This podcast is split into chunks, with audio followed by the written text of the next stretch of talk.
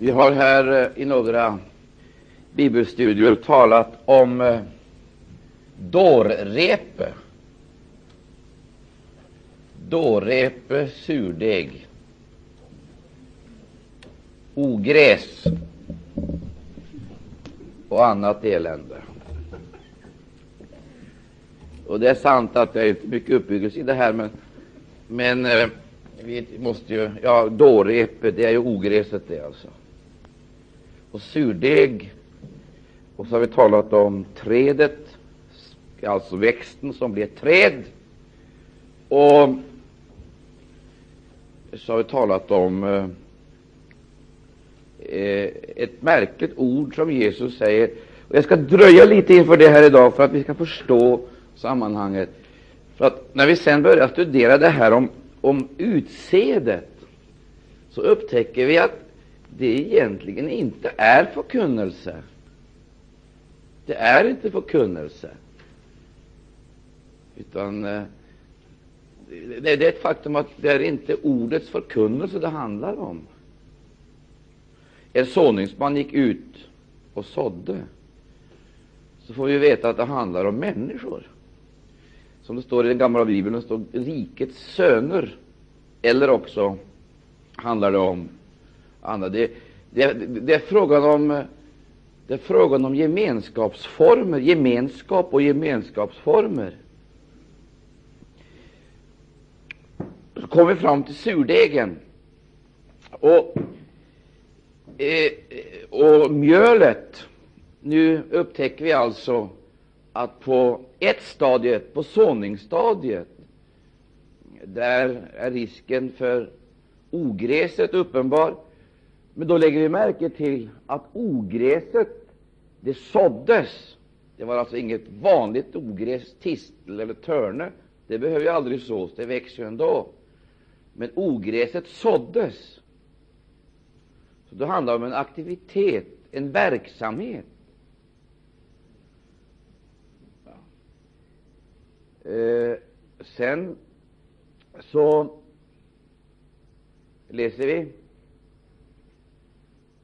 var det här ogräset såddes. Det var i åkern. Och vi får också veta hur det kunde sås. Det berodde på att ovännen, alltså ytterligare en såningsman, kom och sådde ogräset medan folket sov, säger Jesus. Folket sov. Så om vi ser de här liknelserna så ser vi hela tiden att det är frågan om att eh, om snarlika ting som dock inte är lika. Det är snarlika. Det heter exempelvis om att folket sov. Det heter inte att de var, de var döda.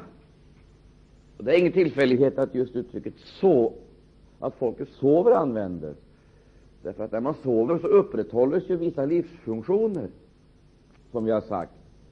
Och Där vill jag betona en sak som jag tror att det är verkligen nödvändigt att vi lyssnar till Jesus litet mera, eh, lite mera noggrant och genomtänkt än det vi har gjort tidigare. Det heter ju mm, att eh, medan folket sov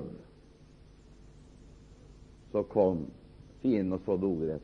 Och så heter det Vaknen upp, du som sover, sägs det till den troende menigheten i Efesus. Det är alltså församlingen som skall vakna upp. När man sover så upprätthålls vissa livsfunktioner. Vi vet ju att man andas, blodet cirkulerar i ådrorna. Ja. Kroppen har temperatur, rätt temperatur. Och Det är alltså vissa funktioner som upprätthålls. Andra upprätthålles naturligtvis icke. Det ligger i sakens natur. Man äter exempelvis icke, man arbetar icke. Man äter icke och man arbetar icke. Så när Jesus här talar om att sova, så menar han naturligtvis här en viss passivitet. Man kan vara aktiv på ett område och passiv inom, annan, inom andra. Ja. Och vi tänker oss den här bilden med det här grenverket dit fåglarna kommer, och så utvecklingen fram till det stadiet, så förstår vi ju att det finns något babyloniskt, babyloniskt väsende som gärna vill fortplanta sig till församlingen, så att församlingen eh, börjar fungera ensidigt. ensidigt. Jag ska ta ett exempel på hur detta kan vara och vanligtvis är, nämligen att man har ett fungerande böneliv, exempelvis för att använda det här uttrycket, man andas. Och det finns ett inneboende gudsliv, så att man har liv. Och Därför ska vi komma ihåg att det egentligen inte så mycket handlar om barnaskapet som om tjänsten. Men man kan inte underlåta att tjäna Gud hur länge som helst och räkna med att barnaskapet skall bevaras. Därför att eh, det heter så här medan folket sov. Det är ju klart att eh, vi tänker över oss att det här var nattetid.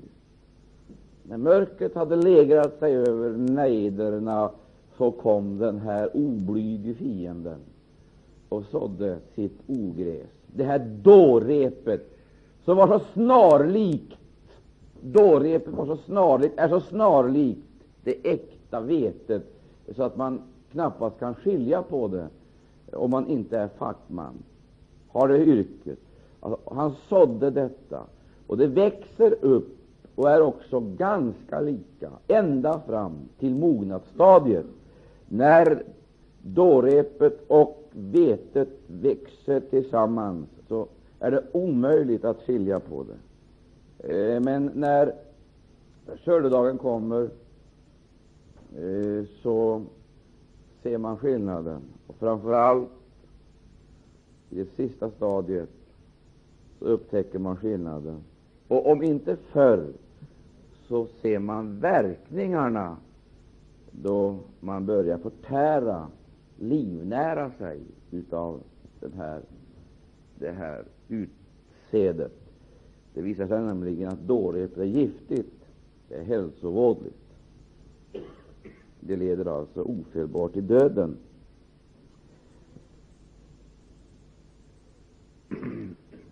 Men vi ska inte blunda för att det är frågan om såningsmannen gick ut, och han har en med, jag höll på att säga en medkonkurrent.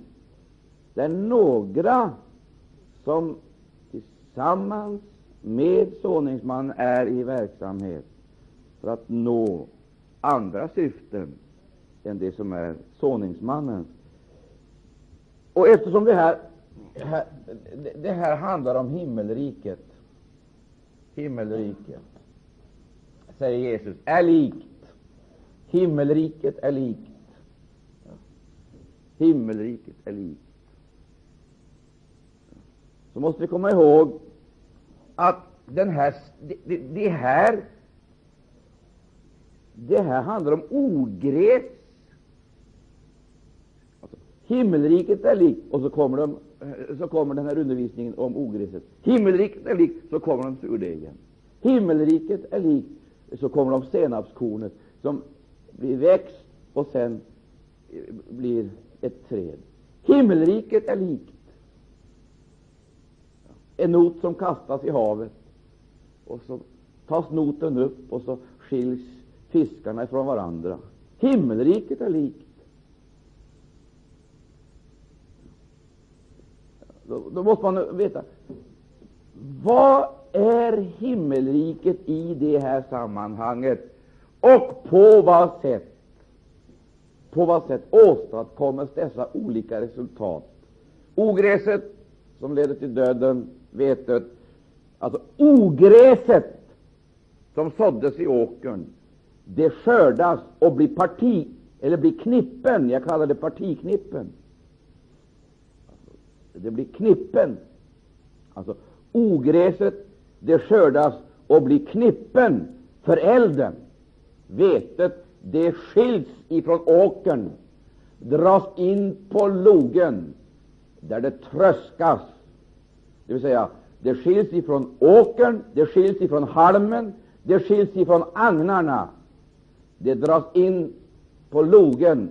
Och då denna, dessa processer så att säga har utförts, så kommer nästa process in i kvarnen, och så pulveriseras också själva, själva kornet, och det blir mikroskopiska beståndsdelar. Och det finns inga möjligheter sedan att plocka ihop mjölet till korn eller vete eller ax. Jag, jag vill, vill alltså peka på denna reduktionsprocess. Jag kallar det reduktionsprocess. Alltså skilsmässa ifrån åkern, den är nödvändig genom lien. Skilsmässa genom, ifrån halmen, genom skoven, kastskoven i sin hand. Kastskoven. Jag vet inte om du känner till det här. I böner gör väl det. Sån här kastskovel som han har i sin hand, och han skall rensa vad, heter, vad är det? Vad säger du att eh, Ja, just skiljer. Ja, ja, all right. Vi får ta det i rätt ordning, så vi inte kommer i, i, i, i konflikt med naturen.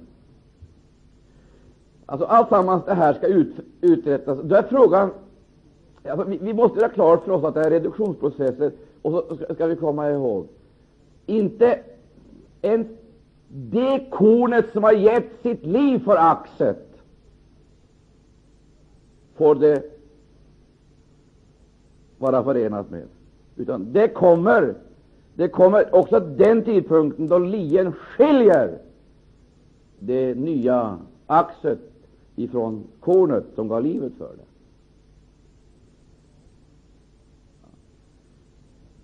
Sen kommer nästa process då så att halmen ska skiljas ifrån.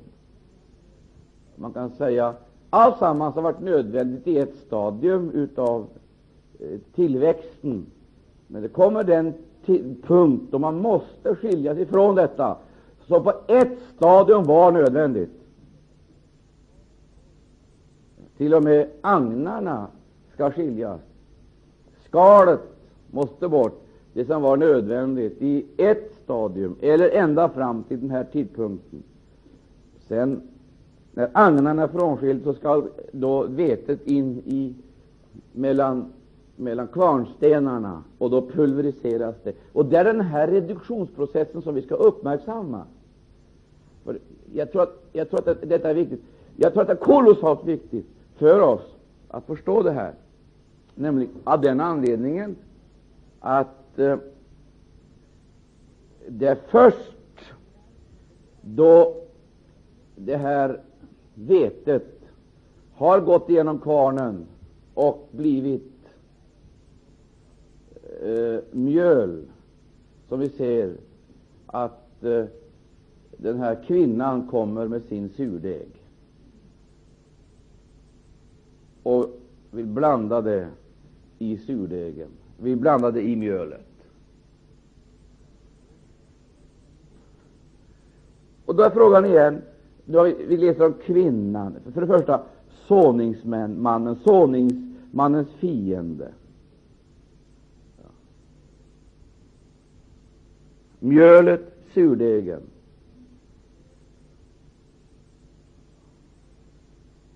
Grenverket, fåglarna och växten.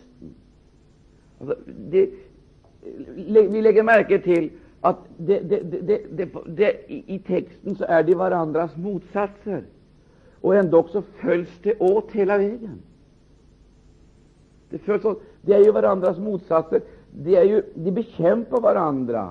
Alltså, det, det naturliga blir onaturligt och det som är onaturligt blir normaliserat, till och med upphöjt till någonting, eh, någonting stort och underbart. Vi ska lägga med, det följer varandra ända fram till slutet, till slutstadiet. Och då tar vi reda på vad är ogräset för någonting i det här sammanhanget. Det är dårrepet snarlikt vetet. Vem är, sånings, dessa, vem är såningsmännen? Och vad är utsädet?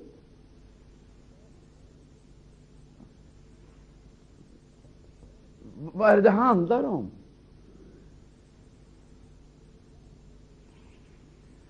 Och vad är surdeg för någonting?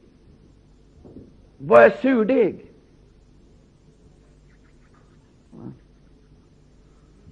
Va? Vad är surdeg? Gäst, vanligt. Men vad är jäst? Surdegen? Det är ju ingenting annat än gammal deg. Och den degen har en gång i sin tur varit mjöl. Det, det, det, är hela tiden några element, några element som är precis lika med det som ska förstöras.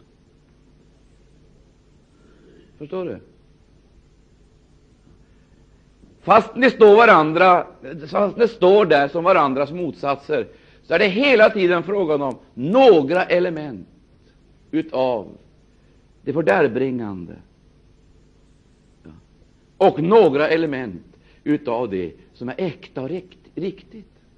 Det, det, det, det, är, det är uppblandningen.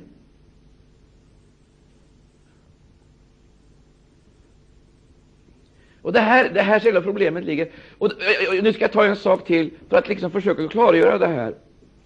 Himmelriket har i sig allt detta som vi nu har talat om. Vad säger du? Finns det surdeg i himmelriket? Ja, om, vi, om vi tänker oss den, eh, början på liknelsen. Himmelriket är lik en såningsman som gick ut, och så talas det om de olika åkrarna. Åkrarna, det är stengrunden. Himmelriket är likt, och så får vi veta, det är stengrunden. Himmelriket är likt vägen.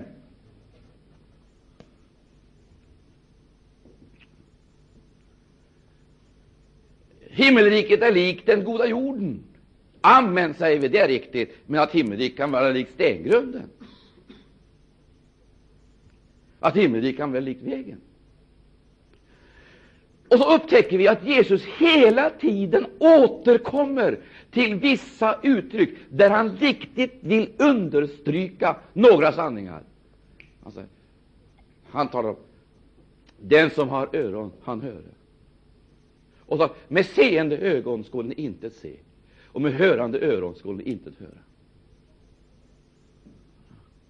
Det vill säga, det är levande varelser som äger vissa egenskaper, som har egenskaper, har vissa saker, men saknar andra. De har ögon, ser icke, de har öron, hör icke.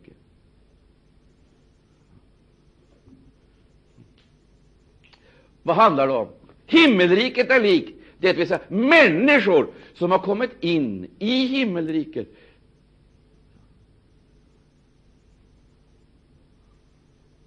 På andra vägar. Det finns faktiskt de som har brutit sig in i himmelriket på andra vägar. Säger Jesus det? De har kommit in. De har blivit assimilerade som vi säger. De har akklimatiserat sig i himmelriket. Här handlar det alltså inte om församlingen. Det handlar inte om församlingen, utan det handlar om det totala, låt oss kalla det den totala kristenheten. I denna kristenhet, i denna bekännande kristenhet, finns det människor med stengrund. Det är det opånyttfödda hjärtat, den gamla naturen. Den gamla naturen, det är stengrund, det ursprungliga, hårda naturen. Så har du vägen, där har du den bearbetade människan. Bearbetat, det som en gång var mjukt har trampats upp. Och hjärtat, det mjuka hjärtat har blivit som en väg, som en landväg. Man har hört många gånger och kanske aldrig gjort, troligen aldrig gjort. Man har hört. Och hjärtat har blivit som en upptrampad landväg. Det vill säga, det är ingenting längre som fastnar. Och Stengrunden är ursprungliga vägen, det bearbetade, det lagda. Och jag skulle vilja säga det, vad är det bearbetat av? Ja, jag, jag måste säga det, jag undrar, bearbetat av ordet. Bearbetat av ordet, för det ord man hör, men som icke leder fram till några konsekvenser, alltså till handling, det blir icke till frigörelse, utan till förhärdelse. Det blir till förhärdelse. Och om jag hör ordet ett antal gånger och icke gör efter det, så kommer detta ord att förlora all sin verkningskraft i mitt liv. Och det spelar ingen roll vad som sås på den vägen. Det kommer icke att bära någon frukt. Så finns det människor som har en ytlig jord, eh, ett jordskikt i, sin väs, i sitt väsen med stengrunden under. De har bejakat vissa av sanningarna, men det har inte gått ner i djupet. De har bejakat vissa av sanningarna, och, och, och, därför så finns det Ordet har bearbetat ett skikt i deras väsen. Men de har ingen rot. Och därför så när, så att säga, det utsädet, när det eh, gror, så ser det i första stadiet ut som om det skulle komma upp och bli ett gott resultat. Men vi vet att eftersom det inte har någon rot i sig, så dör det. Och nu lägger vi märke till stengrunden. Hör här. Alltså, nu är vi där igen. Lyssna nu noga till vad jag säger. Jag vill att ni ska lyssna exakt till vad jag säger här nu, för det här är så oerhört, det är så oerhört typiskt. Det ligger till på det här sättet att som jag, den som sover, han äter icke.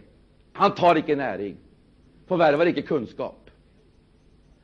Du kan ha så mycket bönekontakt som du vill, men därest du icke äter, får näring och kunskap, så kommer du att sövas ner och bli en sovande kristen.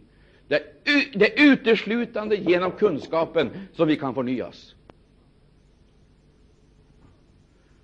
det, det, är att vi får ny kunskap om Jesus Kristus. Det är på den vägen vi förnyas. Och, och får vi icke sådan kunskap, då sövs vi ner.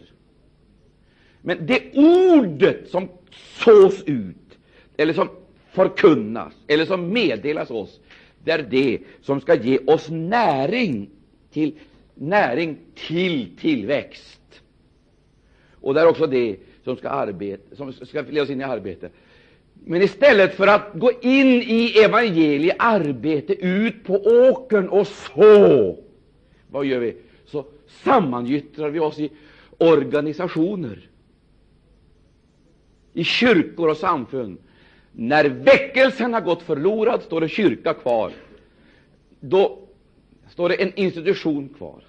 Gud söker individer. Kyrkan behöver institutioner. då martyriet på grund av anpassning har upphört, alltså därför att man anpassat sig till världen, då kommer helgonkulten. Då bör man dyrka helgon.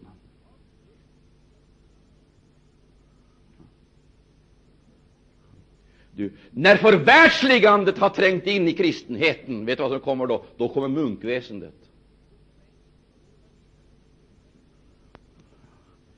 munkväsendet, det är förvärldsligandets protest hos människor som lider över den uppblandning som har ägt rum mellan Guds folk och världen. Och man vill fly, fly bort ifrån världen, till världen är mitt inne i kyrkan. När karismatisk anderörelse och spontanitet har gått förlorad, då kommer liturgin. Då kommer liturgin. Då den andliga sången har tonat bort eller upphört, då kommer den gregorianska. Den gregorianska kyrkomusiken. Det vill säga, allt det som i sin begynnelse var andliga företeelser, det materialiseras materialiseras i institutionella ting. Och jag tänkte på det här om dagen. Det här måste sägas som en parentes. Jag tänkte på det här om dagen. Det finns ingen möjlighet på denna jord att katolska kyrkan kan ändra på sig. Och det är fullständigt uteslutet att protestantismen, det vill säga att den lutherska kyrkan kan ändra på sig. Det är uteslutet. Det går icke. Det, det, det, det, är så dumt att överhuvudtaget räkna med något dylikt. Så att det, det, det, det, tillhör, jag skulle säga, drömstadiet i en människas utveckling. Det är barnsligheter att tro det. Vi ska ta en enda sak. Vi kan ta Mariakulten och helgonkulten. Hur skulle kyrkan kunna skilja sig ifrån Mariakulten och helgonkulten, omkring vilken en hel industri är uppbyggd? Och det handlar om ekonomiska och materiella värden den dagen som man angriper dessa industrier som tillverkar, tillverkar Mariabilder och helgonbilder och reliker och andra företeelser, så kommer vi att få hela den fackliga rörelsen på oss, till massor av människor kommer att bli arbetslösa. Massor av människor kommer att bli arbetslösa. Det är en hel industri. Och det handlar om stora ekonomiska intressen. Kyrkan kan icke frigöra sig från detta. Hon måste upprätthålla den. Även om hon har ideologiska eller teologiska eller andra skäl, soteriologiska, alltså frälsningsbetydelse, eh, skulle vilja vänja sig bort ifrån detta, så kan hon inte. Det går inte. Och, och det här är bara ett extremt exempel. Du kan ta sak efter sak, sak efter sak så ska du få se det är knappast någonting som kyrkan kan skilja sig ifrån, därför att det är en institution omkring varje detalj. Musiken är en institution. Inte sant? Prästämbetet är en institution. Och till prästämbetet hör inte bara prästerna och deras sociala situation, utan också prästernas lärare och lärosätena. Och vi kan heller inte göra oss av med kyrkorna, därför att det är så kolossalt stora värden. Och sen är det, varje kyrka har ju ett antal anställda. Och den ena är organiserad i SACO, och den andra är organiserad i LO, och den tredje är organiserad i Pingstväckelsens pensionskassa. Det har ingen som helst betydelse, man är med överallt. Vad, vad jag vill göra klart för dig, det är det, det handlar hela tiden, det handlar hela tiden om intressen som är oerhört eh, inflytelserika. Ja, nu har jag nämnt det här som en liten parentes. Vi, vi måste göra klart för oss att här finns det alltså ting som det, det, det finns ingen möjlighet att ändra på det. Finns ingen möjlighet. Det går icke att vänta och räkna med att det ska bli någon ändring på, det, på, eh, på de här förhållandena. Utvecklingen kommer att gå vidare icke genom omvändelse, men genom denna ondskas egen inneboende dynamik. Det vill säga, har surdegen trängt in i mjölet, så finns det inga möjligheter att rädda någon del av mjölet i skeppan. Alltsammans blir genomsyrat. Och har degen blivit genomsyrad, då kan du icke genom några processer ta bort syrligheten i degen eller i mjölet. Mjölet är förstört. Eller som skriften säger, när saltet har förlorat sin sälta, vad ska man då göra? Det heter, det duger icke till någonting annat att kastas ut på dynghögen och trampas ner av hedningarna. Varför? Salt, sältan gick förlorad. Sen så kan man ha kvantiteten, så att säga motsvarande kvantitet utav mineraler kvar. Men när saltet, sältan är borta, är det ingenting som hjälper. Och för övrigt, det heter sält, saltet som har förlorat sältan för dynghögen. Det finns inget salt i världen som kan åstadkomma sundhet, därför förruttnelsen är redan ett faktum. Men saltet kan hejda, alltså i förebyggande syfte, så kan hejda förruttnelseprocessen. Men då måste saltet komma i rätt tid på rätt ställe. Ja, och då måste det ha saltets ursprungliga egenskaper och karaktär. Nå, vad är det som gör att saltet förlorar sin sälta? Du ska få höra det. Det är i det ögonblicket som saltet kommer i kontakt med jorden. Då dras sältan ur. Hör du vad jag sa? När saltet kommer i kontakt med jorden, då dras sältan ur.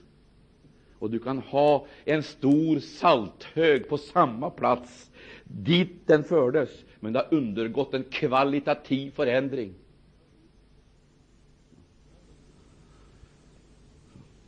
Sältan har sugits ut.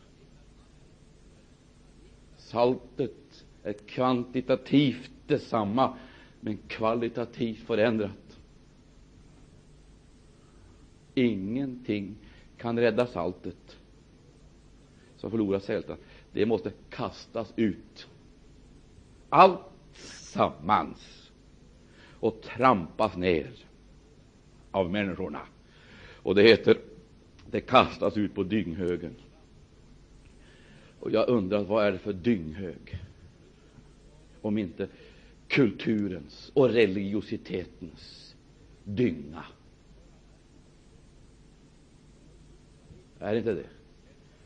Och vad är det, vad är det för någonting som trampas ner av hedningarna? Vad är det för någonting? Det är ju inte den levande kristendomen. Det är ju inte. Va? Är det det? Det är det väl inte? Den kan de inte trampa ner. För i skriften står det att det är den levande kristna som ska betrampa all fiendens härsmakt. Står det inte så i vår bibel? Ja, den levande kristendomen som äger Guds kraft, den blir inte nedtrampad. Nej, utan den betrampar fiendens härsmakt. Men då måste vi få reda på vad är det för någonting som kommer in i mjölet. Vad är det för någonting som förändrar, eh, förändrar eh, växten och gör det till träd? Vad är det för någonting som förstör saltet? Vad är det för någonting som förvandlar jorden till väg? Och vad är det för någonting som gör det möjligt att himmelriket är operationsbas och aktionsradie för sådana nedbrytande krafter. Det, det kräver jag för att veta. Jag vill veta det. Så att man kan ta varning och inställa sig därefter. Vi ska ta nu och svara på de här frågorna. Vi ska gå till Matteus 13 så ska vi läsa där ett ord av Jesus. Och vi ska ta den tolfte versen i trettonde kapitlet och ska vi stanna inför den. Jag har blivit mer och mer övertygad om att jag blir mer och mer övertygad om att det är kolossalt få som kommer att vara redo när Jesus kommer. Redo alltså, när Jesus kommer. Det är väldigt få. Därför att de flesta är sovande. Sovande. De lever. Men Jesus sa klart och tydligt att det inte räckte med att leva. Vi måste vaka, sa han. Vaka. Vaken. Och han säger, vaken, säger han fyra gånger. Och det jag säger till eder, säger han i Markus 13, och sista kapitlet, sista kapitlet, det säger jag åt alla, vaken. Och jag vill säga det enkelt, jag underskattar icke bönens betydelse, men bönen kan icke ersätta näringen. Bön är syret. Du andas. Det måste vi ha.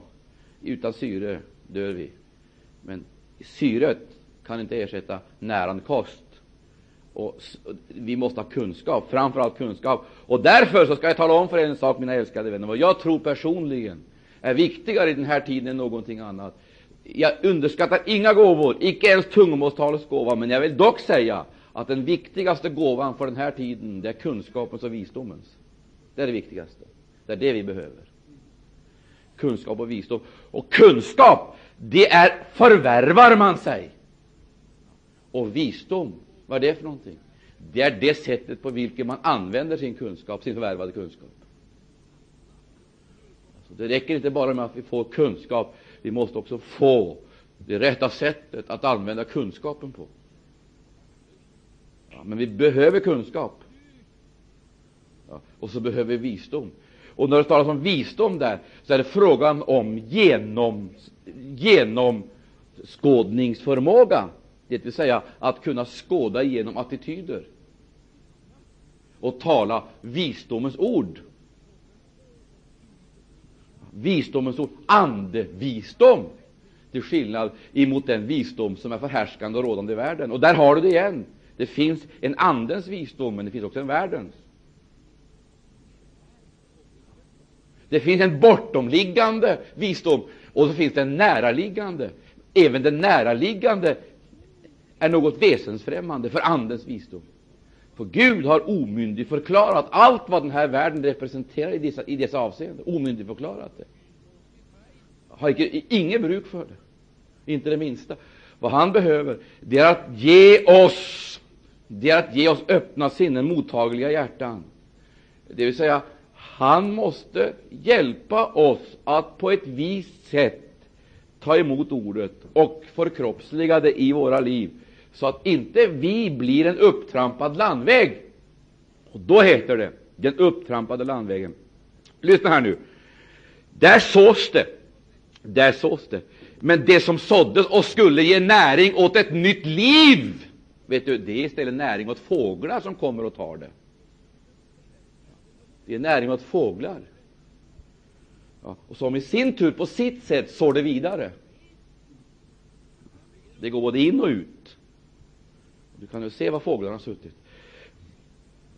Alltså, det, det finns Alltså, jag, jag, jag, vill göra klart för dig en sak i det här sammanhanget. Du ska komma ihåg det här, broder och syster, att det som skulle ge näring för tillväxt, för, för, för, för grodd och tillväxt, ja, det kommer istället att ge näring åt fåglarna som hämtar upp det och flaxar tillbaka till grenverket där de gömmer sig.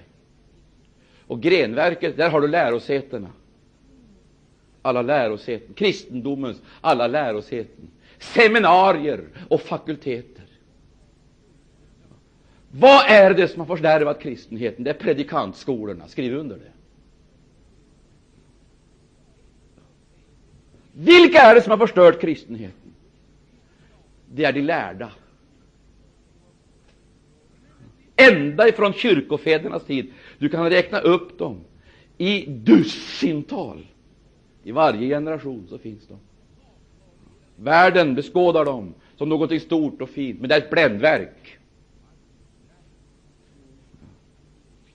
Ingenting annat än ett bländverk. Du kan räkna upp dem ifrån Augustinus, Tertullianus, Origenes,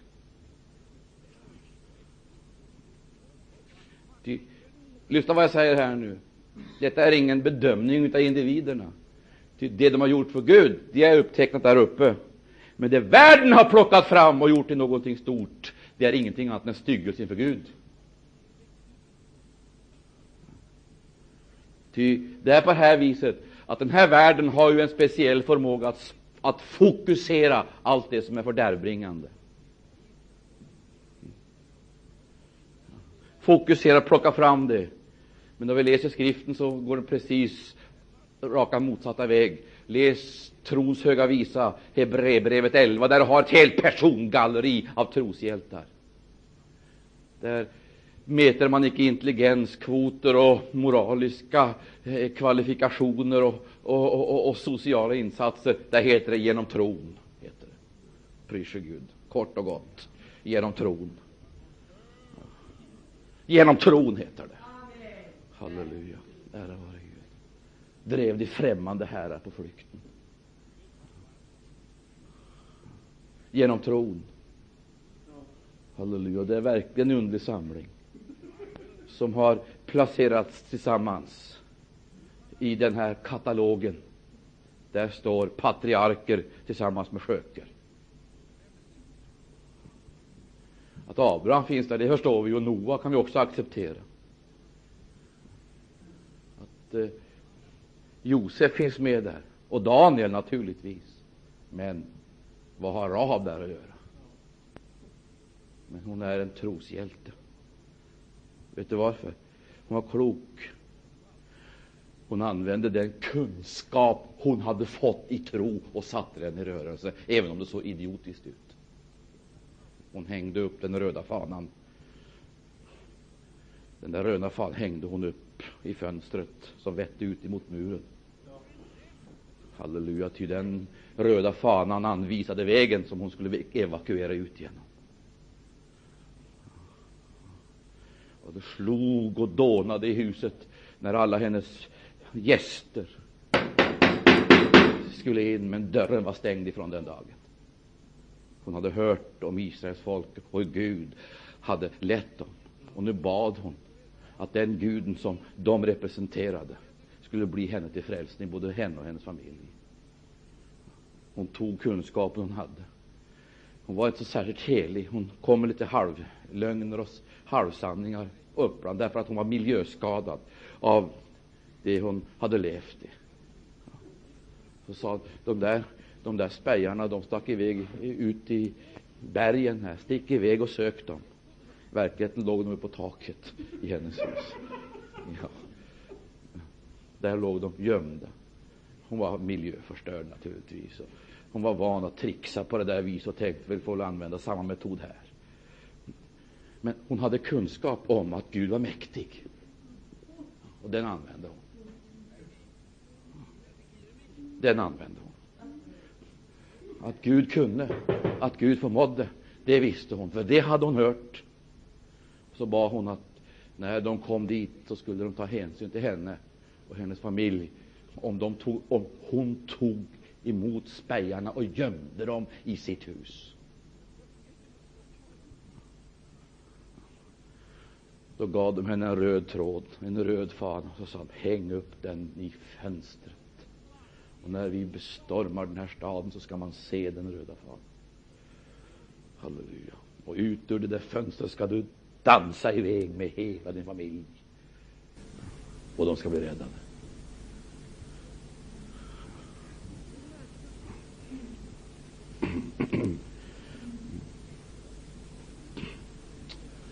Gud.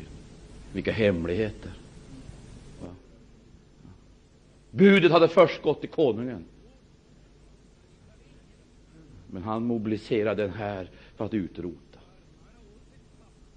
Gud behövde ett redskap och det blev en sköka. Han behövde en kontaktpunkt, det blev en bordell invid stadsmuren. Man tycker att Gud kunde välja sina medarbetare med större omsorg. Vad jag vill göra klart för dig en sak i det här sammanhanget, min älskade vän. Det fanns en väg ur. En väg. En väg. Och det var blodets väg. Det fanns ingen annan väg till räddning. Låt oss göra den här iakttagelsen. Göra klart för oss att det var grenverket. Det var grenverket där fåglarna gömde sig. Det var de som drog iväg ut för att plocka upp seden på vägen. Och jag vill säga det en gång till. Här har du lärosätena, seminarierna, fakulteterna.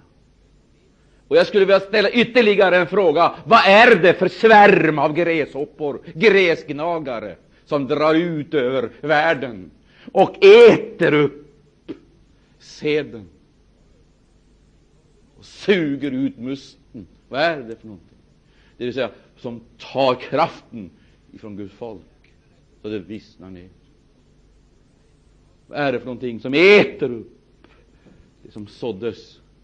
Jag vill fråga om det inte är teologin, den liberala, moderniserade, sekulariserade teologin.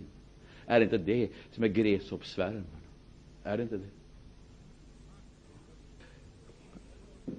Given oss av eder olja, våra lampor slockna, ropar fem förtvivlande i nattmörkret. De hade gått ut de hade hört rapportkarens fruktansvärda väckelserop i natten. Väckelsekaren, höll jag på att säga. Rapportkaren som stod långt där framme och spejade medan de andra sov. Rapportkarlen hade bilden på den heliga Ande. Anden sover icke. Framför tärnorna så gick det alltid en sådan rapportkarl. på lämpligt avstånd. Det gick en rapportkarl. Åh, när han såg lysverk, fyrverkerierna och ljusen tändas där borta i horisonten, då ropade han ut i natten, se brudgummen kommer gå ut för att möta honom.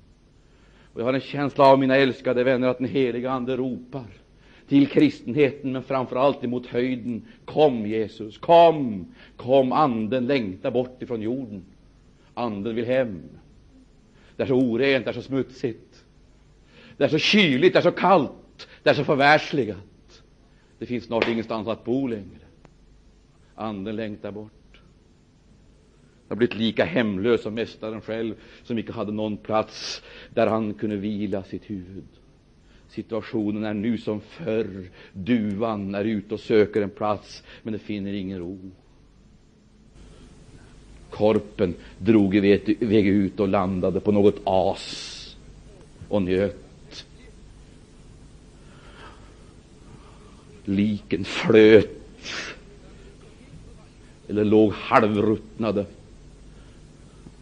Det var korpens njutnings och näringsställen.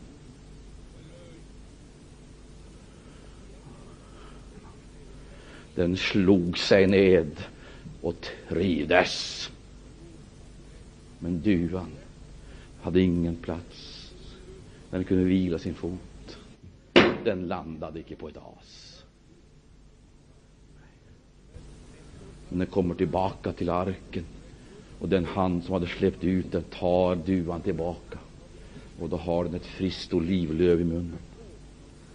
Halleluja, vittnesbördet om en ny jord.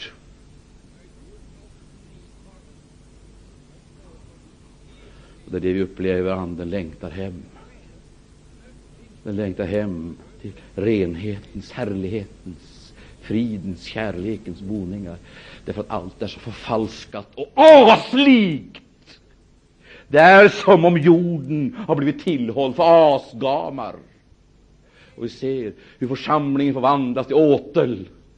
Åter dit rovfåglarna, korparna församlar sig för att ha högtidsmåltid och fest på resterna.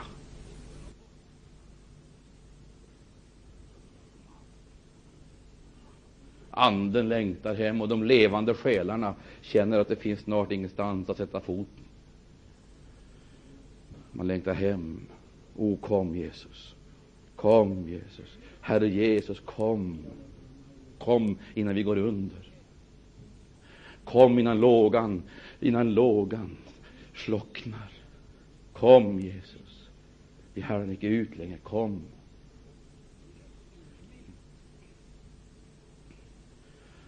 Och vid midnattstiden göder ett anskri, se brudgummen kommer. Det är rapportkalen som ropar ut i natten sitt budskap och väcker upp hela skaran.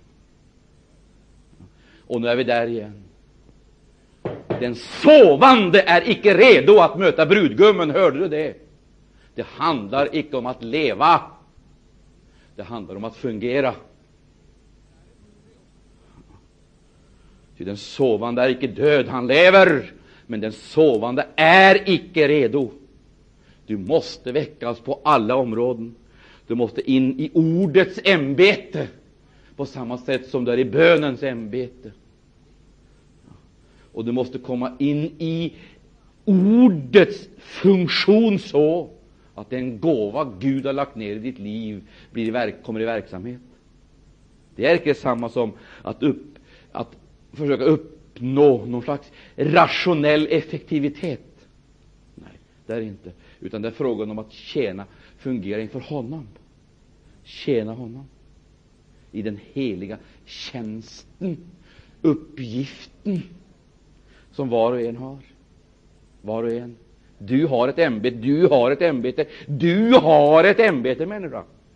Det räcker inte att konstatera det, du måste in i det. Och du måste in i ordet, och ordet måste in i dig. Se, brudgummen kommer.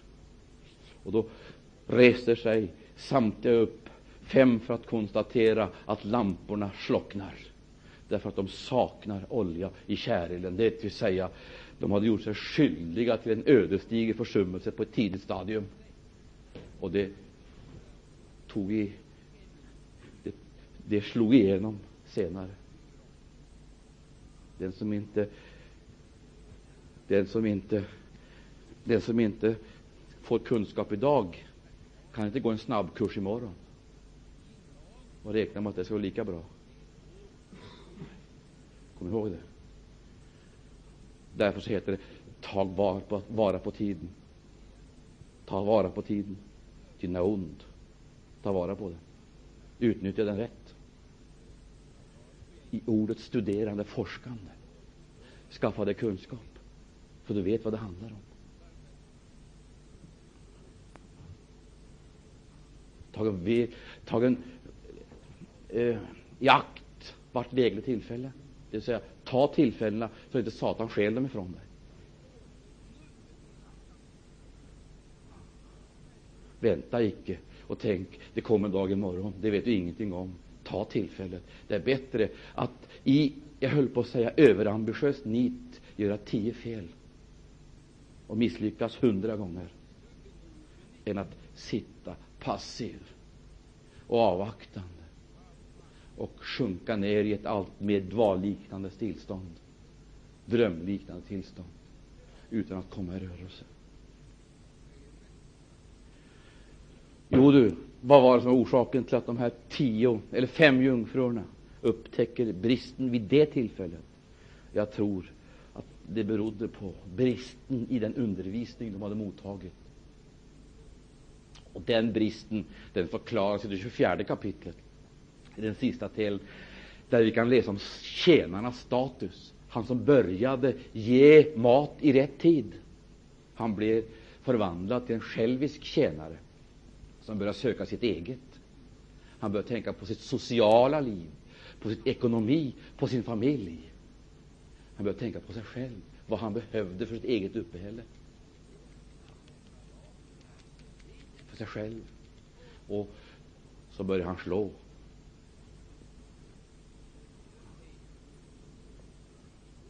Det heter det är den tjänaren som ska huggas i stycken, säger skriften.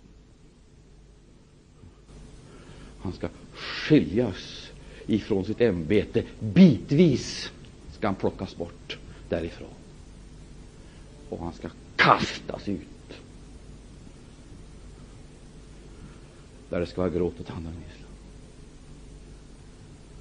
Mina älskade vänner, vill vi ha förklaringen till tillståndet i kristenheten, då ska vi inte hoppa på församlingarna. Vi ska se på tjänarna, vittnena. Och upptäcker vi? Vi har en stor samling akademiker som har blivit präster och predikanter. Den ena är teologi kand och den andra är teologi doktor. Den tredje är filosofi kand eller någonting annat. De har fått en titel, men de saknar uppenbarelse och ljus. Vad vi behöver bedja om nu, det är att Herren ger oss ämbetena tillbaka. Evangelister, herdar, lärare, profeter av den gamla skolan. vars främsta kännetecken är det att de har varit tillsammans med Jesus och gått i Andens skola.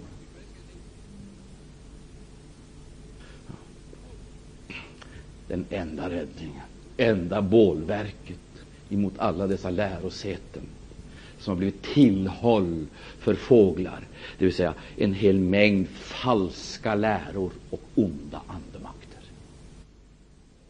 Jo du, det är så sant som jag sagt.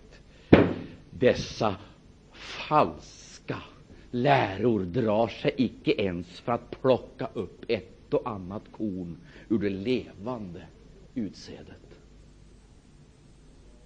Drar sig icke för att också använda det för sina syften. Och de vet precis var det ska gå någonstans. Till vilka ska de gå? De går inte till den mjuka jorden. De går till den förhärdade vägen. Där har de sin operationsbas. Och där har du det. Kom ihåg, upprinnelsen till villolärorna finns i förhärdelsen.